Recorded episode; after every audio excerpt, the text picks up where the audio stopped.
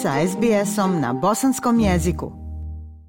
Aisha, lijep pozdrav tebi i slušateljima SBS radija. Lideri stranaka koji čine vlast u Federaciji Bosne i Hercegovine, HDZ, BiH, SDP, Narodi pravda i naša stranka održali su 9. januara u Mostaru sastanak na kojem su razgovarali o izmjenama izbornog zakona. Nakon ovog sastanka novinarima su se obratili lideri takozvane trojke. Lider SDP-a Nermin Nikšić nakon sastanka kazao je da je bilo riječi o o konkretnim rješenjima i pitanjima, a između ostalog čuli prijedlog HDZ-a koji je dosta konkretan i iskorak u odnosu na ono što smo do sad imali, kazao je lider SDP-a Nermin Nikšić. Poslušajte izjavu Nermina Nikšića. Potrošili smo na razgovore viđenje svakog od nas izmjena izbornog zakona, govorili smo o konkretnim rješenjima, konkretnim pitanjima. Danas smo čuli jedan prijedlog HDZ-a koji je dosta konkretan i koji je iskorak u odnosu na ono dosta što smo imali kao njihove stavove. Naravno i mi smo imali svoje stavove i svoje prijedloge. Tu je sad podijeljeno mišljenje da li da idemo izmjene izbornog zakona koji će podrazumijevati izmjene ustava što bi značilo provođenje svih odluka i Ustavnog suda i suda u Strasburu što je nekakva naša pozicija. Lider naše stranke Edin Forto pojasnio je novinarima da se radi o nekoliko pristupa izmjenama izbornog zakona. Evo u nastavku i Edina Forte. Ne bih išao sad u te detalje, radi se o nekoliko dimenzija pristupa izbornog zakona, od velikih pitanja kao što je izbor članova predsjedništva, do ovog paketa integriteta o kojem se dosta pričalo zadnjih dana. Bilo bi dobro da ova većina ima svoj prijedlog izmjena izbornog zakona, to bi bilo idealno i da onda i ne govorimo o nečemu da nam neko nešto nameće. Predsjednik e, Naroda i pravde Elmedin Konaković je naveo da bi se mogli usaglasiti u vezi sa usvajanjem zakona o sprečavanju pranja novca, zakona o sukobu interesa, Frontexu i drugim rješenjima koja, kako kaže, nemaju političke dimenzije niti sukobe, te bi u martu dogovorili otvaranje pregovora Bosne i Hercegovine sa Evropskom unijom. Poslušajte i predsjednika Naroda i pravde Elmedina Konakovića.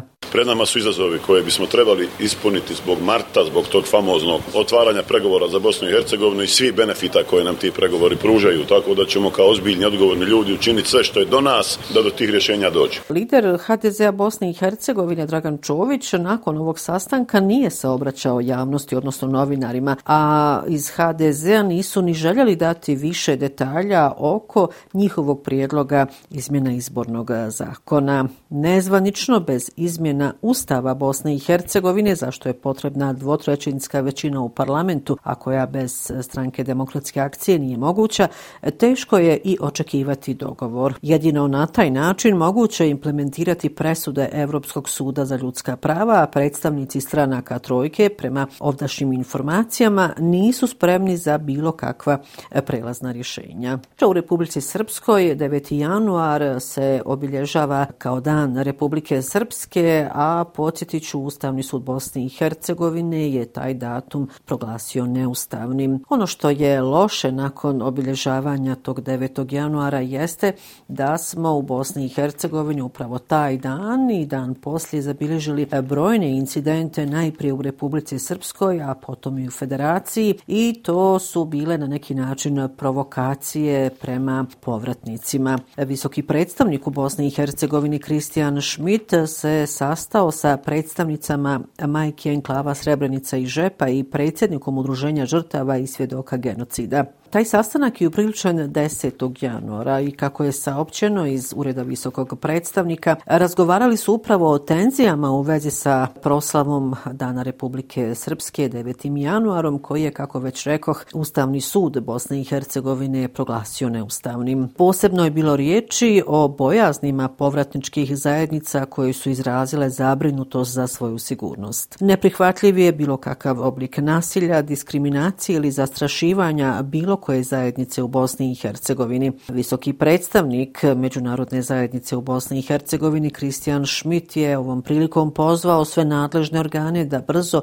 i odlučno reaguju kako bi obezbijedili sigurnost i zaštitu svih građanki i građana, saopćeno iz Ureda visokog predstavnika. Reagovala je Aisha i ambasada Sjedinjenih američkih država u Bosni i Hercegovini. Naime, američka ambasada poručila je da najoštrije osuđuje nedavne incidente incidente nasilja i zastrašivanja povratnika. U tom saopćenju između ostalog piše neprihvatljivo je da su bošnjački stanovnici Vlasanice i Potočara bili izloženi prijetnjama i ksenofobičnim uvredama te da je napadnuta kuća srpske porodice u Mostaru. Isto tako veličanje srpskih ratnih zločinaca u Višegradu i paljenje zastave Republike Srpske u Zenici bile su neodgovorne provokacije koje su povećavale tenzije i služile za podjelu tih zajednica. Sjedinjene države osuđuju sve akte nasilja i netolerancije, naveli su iz ambasade Sjedinjenih američkih država u Bosni i Hercegovini. Naglasili su također da ti činovi narušavaju društvenu koheziju i na kraju ugrožavaju sigurnost i stabilnost Bosne i Hercegovine. Proteklih dana iz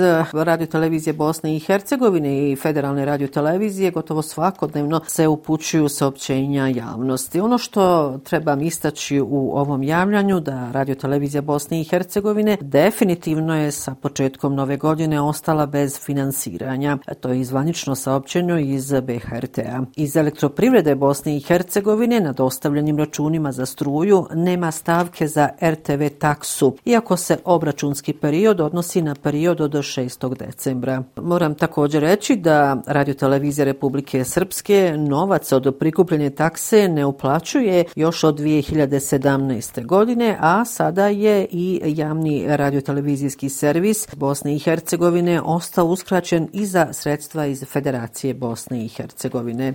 Uprava radiotelevizije Bosne i Hercegovine je iznijela teške optužbe na račun radiotelevizije Republike Srpske, koja, kako rekoh, ne uplaćuje od 2017. godine novac od prikupljene takse. A sada je uprava BHRT optužila i federalnu televiziju. Uprava BHRT optužila je federalnu televiziju da je tokom godina nezakonito zadržala blizu 20 miliona konvertibilnih maraka koji su pripadale BHRT-u. Rukovodstvo federalne radiotelevizije na ove optužbe odgovorilo da nema nikakve dugove prema BHRT-u te su pozvali vladu i parlament Federacije Bosne i Hercegovine da ne podrže najavljene inicijative BHRT u pogledu njihovog prijedloga raspodjele RTV takse. Prema ovom prijedlogu novac od prikupljene takse bi se uplaćivao na račun BHRT-a, a onda bi se odvajao za federalnu radioteleviziju.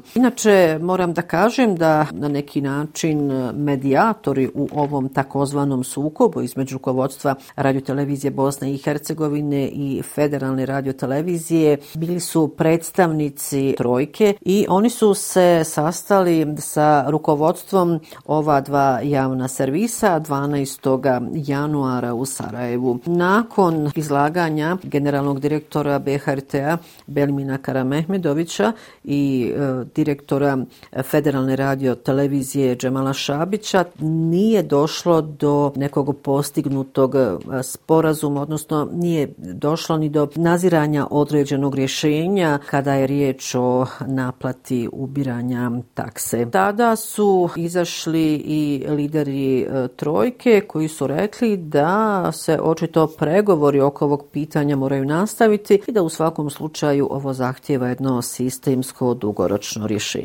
Eto, iša ovom informacijom i završavam ovo sedmično javljanje iz glavnog grada Bosne i Hercegovine. Još jednom vam lijepe pozdrave iz Sarajeva šalje Semra Duranović Kosu. SBS na bosanskom. Podijelite naše priče preko Facebooka. Želite poslušati još ovakvih priča?